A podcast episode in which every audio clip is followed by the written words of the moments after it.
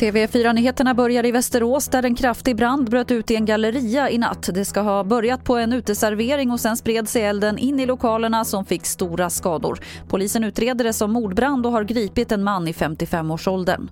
Idag kommer det nya besked om coronaåtgärder. Nu på morgonen hålls en pressträff med statsminister Stefan Löfven och flera andra ministrar.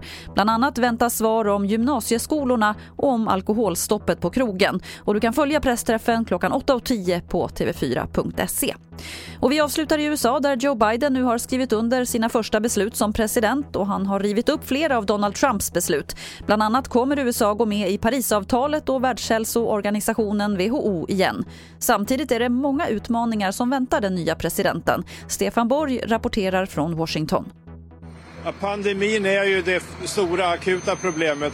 Här i Washington har man inte märkt så mycket av det här för här röstar nästan alla på Biden men ute i landet så kommer man säkert att se eh, en stor splittring och frustration över att Biden tar över efter Donald Trump som ju faktiskt fortfarande är populär på många håll trots allt som har inträffat.